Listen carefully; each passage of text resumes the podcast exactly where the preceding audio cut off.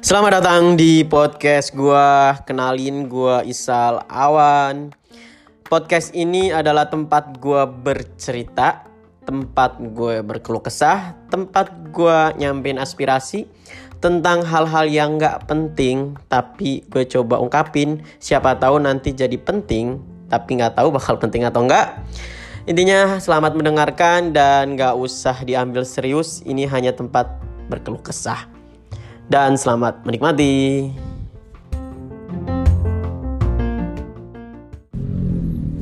Pada sesi kali ini ini akan ngomongin ke lebih ke pertemanan dan bisnis dan tetap di kehidupan mahasiswa. Dan by the way ini malam kita udah selesai capek-capek. Jadi ini nar demi konten. Jadi narasumber ini adalah teman sohib perbisnisan. Uh, dia adalah Afif Sultan yang sekarang sedang bisa dikatakan seorang entrepreneur, pengusaha bisa lah ya. Wadah. Wadah. Halo. Dan ini kalau kita ngelantur dimaklumin ya Pep. Ya, kita udah kenyang kan malam. Ini kita dalam perjalanan pulang ya, Sal? Ya, kita habis uh, beres uh, bisnis kita. Oke, kita uh, mau nge-interview Afif dari uh, pertanyaan di otak gua, gue pengen mulai dari pasca covid. Jadi Pasca Covid. oke. soalnya kan bisnis lo, terus ya kan kita ngomongin bisnis mahasiswa lah ya. Mm-mm. Karena Uh, kita emang bisnisnya di kampus kan. Ya, tapi Oke. sekarang lebih fokus ke bisnis lo aja gitu. Oh, gue aja nih. Ya, bisnis Kalau- kita- Kalau Kin nanti ada khusus ada, ya? ada, ada, Oke. ada khususnya. Ya. Jadi ini tuh nanti judulnya menghadapi ya tantangan mahasiswa, mahasiswa saat dituntut bisa nggak sih untuk menjadi pengusaha? Nggak usah pengusaha deh, bisnis di masa kuliah itu tantangannya apa gitu. Lanjut aja, gue pengen tanya waktu covid nih, minggu Oke. pertama inget gak waktu langsung dijebret kita libur? Minggu pertama gua Covid, yang pertama gua rasain gue seneng pertama. Ya dong. Oke, eh, ya, Libur. semua orang ya. Oke. Nah, tapi udah gua ngejalanin tapi sebenarnya gini, gua udah nyiapin COVID kan bakal oh PJJ bakal karantin karena kan sebelumnya Indonesia sebelum Indonesia udah ada duluan kan negara-negara itu. Nah, gue udah nyiapin yang pertama gua lakuin gue beli kanvas Oke, untuk untuk tetap tetap sadar, tetap sehat gitu loh pikiran gue. buang gabut. Iya, buang gabut, nggak ng- ngasah kreativitas juga kan. Ya. Nah, udah di kanvas, gue udah ngelukis satu kanvas, mulai timbul bingung gue karena kan api gue emang di bisnis ya. Iya iya iya ya. Karena emang ngulik dari kuliah itu bisnis doang. Bener bener. Lebih ke bisnis dulu, ngampus nanti. Iya. Nggak sih ya. Bisnis, organisasi itu itu aja udah kan. Kayak Nah, kalau di telepon Pip di mana? Kalau nggak di rumah, ya di kantin. Iya. Ya, oke. Terus terus ah, terus. Dan akhirnya gue bingung kan, maksudnya, aduh ini bisnis kampus udah nggak mungkin karena kampus kita aja PJJ nggak mungkin, kantin nggak mungkin juga, offline udah pupus lah harapan gue. Ya bener.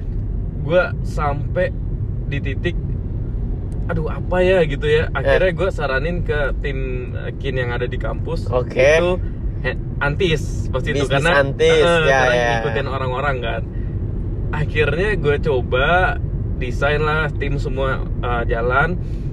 Udah timbul tuh bisnis antis tapi ternyata Kurang. kurang. Karena emang di saat itu eh, banyak lah pesaingnya udah banyak lah yang main gitu. Dan akhirnya gue mulai nyoba hal baru nih. Sal Oh Yang- belum sebelum nyampe situ, Mm-mm. berarti emang lo itu tipe yang jelas tuh nggak suka gabut, suka kesibukan, Mm-mm. anak kreatif bisa lah dikatakan begitu ya. ketika bosen, biar sadar aja Iya, ketika bosan lu muncul ide, lu tahu peluang. Nah, itu benar-benar mantap gitu. iya Oke, lanjut. nah akhirnya gue kulik-kulik terus sampai stres tuh gue apa ya yang mau dijual ya dan untuk online kan kita baru ya Ya. Nah akhirnya gue coba awalnya kita sebut aja ya emang eh, Tokopedia awalnya tuh Oke, oke. Platform pertama kali bisnis pertama lu. kali bisnis gue itu tetap di Antis ya karena Oke, jadi jualan antis melalui Tokped. Tokped dan itu nggak berhasil Sebelum ke Gagal. Oke, oke, oke. karena karena kit- karena gua ya dan teman-teman eh, kin juga udah biasa gagal berhasil ya itu kita urusan hasil itu belakangan kita kan. Soalnya menurut coba gua dulu. antis waktu zamannya kita kan booming setelah booming mau sih? Hmm. gelombang booming pertama kan antis habis. Iya. Gelombang kita antis sudah banyak. Udah banyak Bener gak sih? bener. Kita telat lah nah ibaratnya. ditambah Ah, bener. antis kita itu merek kita sendiri. Iya belum ada BPO benar banget. Dan udah bermunculan BPO ya banyak Ya. lah. Kita kalah di situ. Dan akhirnya gue punya sisa botol. Oke 10 liter. jadi ini oke oke oke. Nah ini mulai nih dan ternyata ada yang nanya ke gua pelanggan Hmm. yang beli botol gua botol madu awalnya. Oke oke botolnya un- mau digunain buat untuk madu. madu. Dan akhirnya gue coba kan dia nanya tuh ada nggak botol? Dia kirim gambar gitu. Hmm. oh gue bilang ada. Gue gue main ada aja tau nggak kenapa? Karena in- intinya wah ada peluang kenapa enggak gitu loh. Adain aja nanti adain aja. dicari. Urusan ntar bodo amat gitu. Ya benar benar. Hmm. akhirnya gue adain tuh. Gue supply ke dia. Gue kaget tiba-tiba Oke. dia minta seribu. Anjir. Awalnya 2000 per bulan dia bilang. Gue kaget dong seribu per bulan? Seribu first order. Oke oke itu udah oke nggak? ma- mantap banget. Gue Ya. gue yang yang lagi kalut pikirannya bisnis gagal ini anti tiba-tiba ada buah manisnya lah itu mungkin ya campur tangan Tuhan pasti ada di setiap iya mungkin karena gue udah mentok sana sini Ya. ya. akhirnya ya udah gue cari dong di mana nih gue dapet botol ini oke jadi the Nah. next pertanyaan di mana nyarinya di mana nyari mungkin Ah, gimana mungkin Hmm. ya mungkin gue pengen nge- eh, kita breakdown aja ya oke mungkin buat eh, teman-teman yang mau kita bahas itu kok jadi gue yang host ya nggak apa-apa how to step start your business oke in this situation when in your in college aduh kalau Inggrisnya salah maklumin Iya ya ya tadi kan udah ketemu lo pertama itu tadi berani. Intinya berani. mau nyoba nyoba terus tadi uh, lu nyeritain sedikit Mm-mm. tentang bisnis plastik lu Mm-mm. yang belum tahu dia bisnis botol plastik untuk kafe ya sejenis Hmm. lah botol botol botol botol semacamnya itu deh dia Hmm. jual awal mula itu tadi udah diceritain sejarahnya kan? sejarahnya. Sekarang kita balik lagi ke lu nentuin uh, distributor lu gitu. Lu ngambil produksinya tuh di mana dan mungkin lu ceritain juga bagi yang mau mulai bisnis apa sih tips-tipsnya buat nyari yang kalau dia nggak bikin sendiri soalnya kan? Iya, oke waktu gue nyari itu karena gue nggak tahu nih kan sumbernya, karena gue pengen tahu nih sumbernya di mana, karena gue sangat mendambakan ya yang bisnis itu yang bisa langsung banyak gitu ordernya, oh, oke oke. Dan gimana caranya gue dapet HPP paling murah gitu kan, Hmm, dan otomatis gue harus ke produksi langsung dong, bener bang. Soalnya di Shopee, Tokped, e-commerce itu, itu udah tangan kedua, ya dan kompetitor Hmm, itu betul. main harganya itu parah banget kan, parah banget. Mm-mm.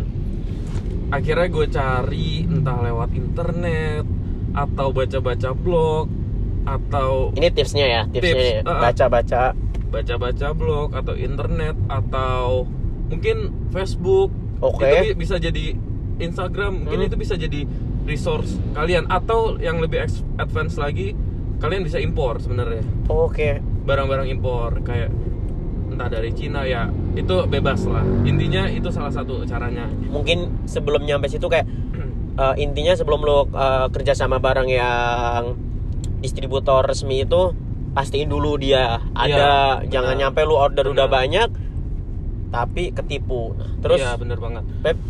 Dan mungkin gue pengen nge-share ke teman-teman ngejalanin bisnisnya sih. Oke oke. Mungkin ya. Tadi- karena mm, jujur pas gue mulai bisnis ini banyak banget eh, yang gue dapetin pelajarannya. Kayak oh ternyata bisnis nggak usah dengan modal yang mahal-mahal. Oke ya bener-bener ada cara lainnya yang pertama kalian bisa dengan opsi pre-order. Ya banyak juga teman-teman yang udah pre-order kan sekarang. Oh. karena itu emang salah satu trik yang yang nggak butuh biaya banyak gitu. Hmm. dan mungkin yang selanjutnya kalian juga bisa nentuin bisnis kalian. Jangan yang mainstream. Ya ya bener-bener nah itu. Selain itu gimana sih caranya kita bisa ngejual terus bisa uh, sampai ke tangan customer customer bisa uh, puas dengan produk kita. Nah mungkin pelayanannya pertama, ini ya? pelayanan value value add yang kalian kasih ke customer kalian gitu. Contohnya gini gue ngasih value add pas di bisnis gue itu free delivery for a 10 box. Nah ini pasti eh, customernya mikir juga sih mending beli yang sekalian banyak. Nah dapat titik wah kan ya situ. pasti pasti. Wah gila. Dan gue oke lah kita bicara nggak cuman eh, dalam pembelian banyak ya. Ya gue juga ngasih value ke customer gue yang cuman beli satu box itu dengan ongkir yang murah yang nggak Oke. masuk akal. Ini untuk ke seluruh Indonesia atau Jabodetabek? Jabode eh, Jakarta Jakarta Jabodetabek. Jakarta Jabodetabek. Oke terus? Dengan satu box itu cuma 25.000 ribu. Bayangin aja Gojek aja dengan nganter yang box sebesar itu ya Iya, iya. lu, lu tahu juga kan tahu tahu tahu. itu bisa 70.000 ribu kadang jaraknya bisa bahkan sampai 100.000 ribu. Iya dan itu situasi covid itu pasti situasi covid. Mereka Ekspedisi mahal banget tuh. ekspedisi mahal. Dan ini pelayanan gue sehari sampai gila nggak?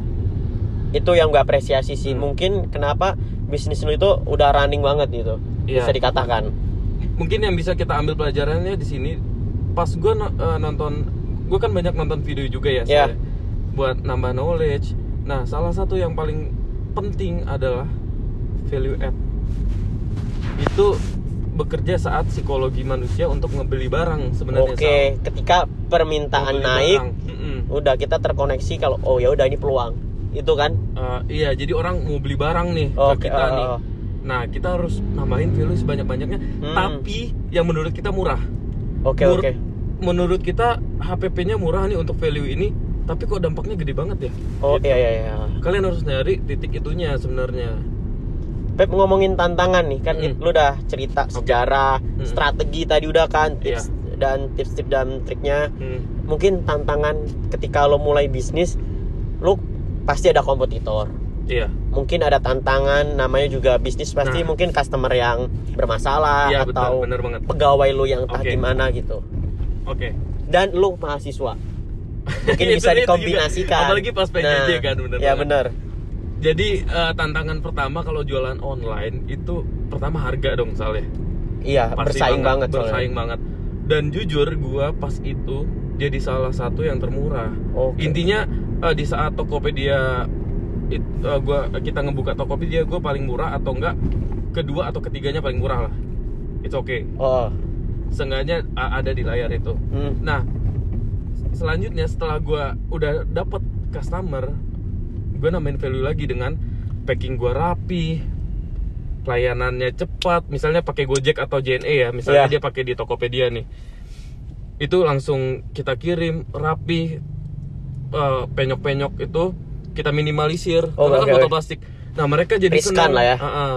jadi review sendiri tanpa kita harus suruh oh iya iya, karena bener, mereka bener, merasa bener. puas dengan pelayanan kita ya itulah lu pakai lu pakai strategi yang review palsu gak tuh enggak Enggak, enggak, enggak. dong enggak, Enggak dong. dong. dan itu jangan sih jangan kalau untuk review palsu itu pasti Jangan lah ya. sendiri sih intinya Dan- biarkan pasar yang bekerja iya jadi kan kalau review asli repeat ordernya ya asli juga iya Gitu kan. nah terus oke tantangan itu mungkin udah tapi kita nggak bisa eh, kayak di atas angin aja sal. Oke oke. Kayak misalnya harga itu kan fluktuatif berubah-ubah harus update terus ya? update terus. Nah harus ngeliat pasar. Dan usahain konsisten. Terus itu terus? yang gue pelajarin. Jangan berubah-berubah harga otomatis coba deh. Kayak dimainin kan perasaannya enggak bener gak Iya kalau iya, berubah-berubah harga. Gitu. eh, paling yang pengen gue sorotin ini Hmm. karena ini mungkin situasinya kuliah jarak jauh kan Hmm. nggak terlalu sesibuk kuliah tatap muka gitu Hmm. terutama timing ya kan ketika Iya. lo harus ngampus ketika lo harus duduk di situ mendengarkan dan lo nggak bisa main HP nggak bisa Hmm. ngurusin customer gitu tapi ini kan peluang bagi kita gitu yang sekarang sedang kuliah online bisa pasti banyak lah gabutnya Mm-mm, Nah. bener banget mungkin kita ngomongin kayak bagi waktu untuk belajar untuk organisasi dan bisnis. Soalnya orang mungkin untuk memulai bisnis kayak belum waktunya kayaknya. Atau menurut lu persepsi lu bisnis itu gimana sih eh, di situasi lu sebagai mahasiswa? Pandangan lu? Hmm. kalau gue mungkin gue harus menjiwai dulu sih harus jiwa emang jiwanya suka bisnis dulu gitu ya? sih. ah, harus suka dulu. Nah bener bener banget. Kita harus suka dulu kan. Hmm, baru kita kayak semangat atau walaupun capek tetap dilakuin ya. Itu kan karena kita udah suka dulu. Iya kayak hobi iya. lah. Iya bener. Nah mungkin buat teman-teman orientasi pertama mungkin jangan uang dulu. Iya iya iya. Pembelajaran dulu kalau gue ya. Iya. Contoh kita dikin juga ya itu di kampus kita belajar juga. Iya. Di sini pun sekarang gue juga masih belajar. Ilmu sih nyari Ilmu ilmu, itu penting sih. Mm-mm. dan bisnis itu yang di teori sama praktek itu beda. Beda jauh. makanya, gue saranin untuk kalau yang mau bisnis sekarang itu coba dulu. Coba aja dulu. Mumpung masih kuliah lah ya Mumpung belum di dunia kerja gitu. Mm-mm. ya kecuali kalian mau bisnisnya setelah kerja oh it's okay. It's tapi kan okay. itu pilihan ya itu tapi kalau menurut gue selagi gue masih kuliah masih masih aman kuliahnya. aman nggak ada tanggungan siapa-siapa gue coba sekarang. Gagal sekarang mending Nah, gagal bener. sekarang dong menurut gua kalau ada persepsi kayak organisasinya sibuk bikin Hmm. kuliah bego atau bisnis terus bikin kuliah bego itu eh, gimana ya? Kita udah ngerasain lah kita udah punya eh, pernah mempunyai bisnis masing-masing dan sekarang juga ada masih ada. Ngerasanya tetap bisa bagi waktu kan Pepe masih bisa. Masih bisa Masih walaupun ya Walaupun mungkin sekali dua kali nggak Iya, tidur. sekali dua kali yang capeknya tuh kayak Capek, aduh capek luar biasa. tapi Drop, gitu. seneng menurut gue ya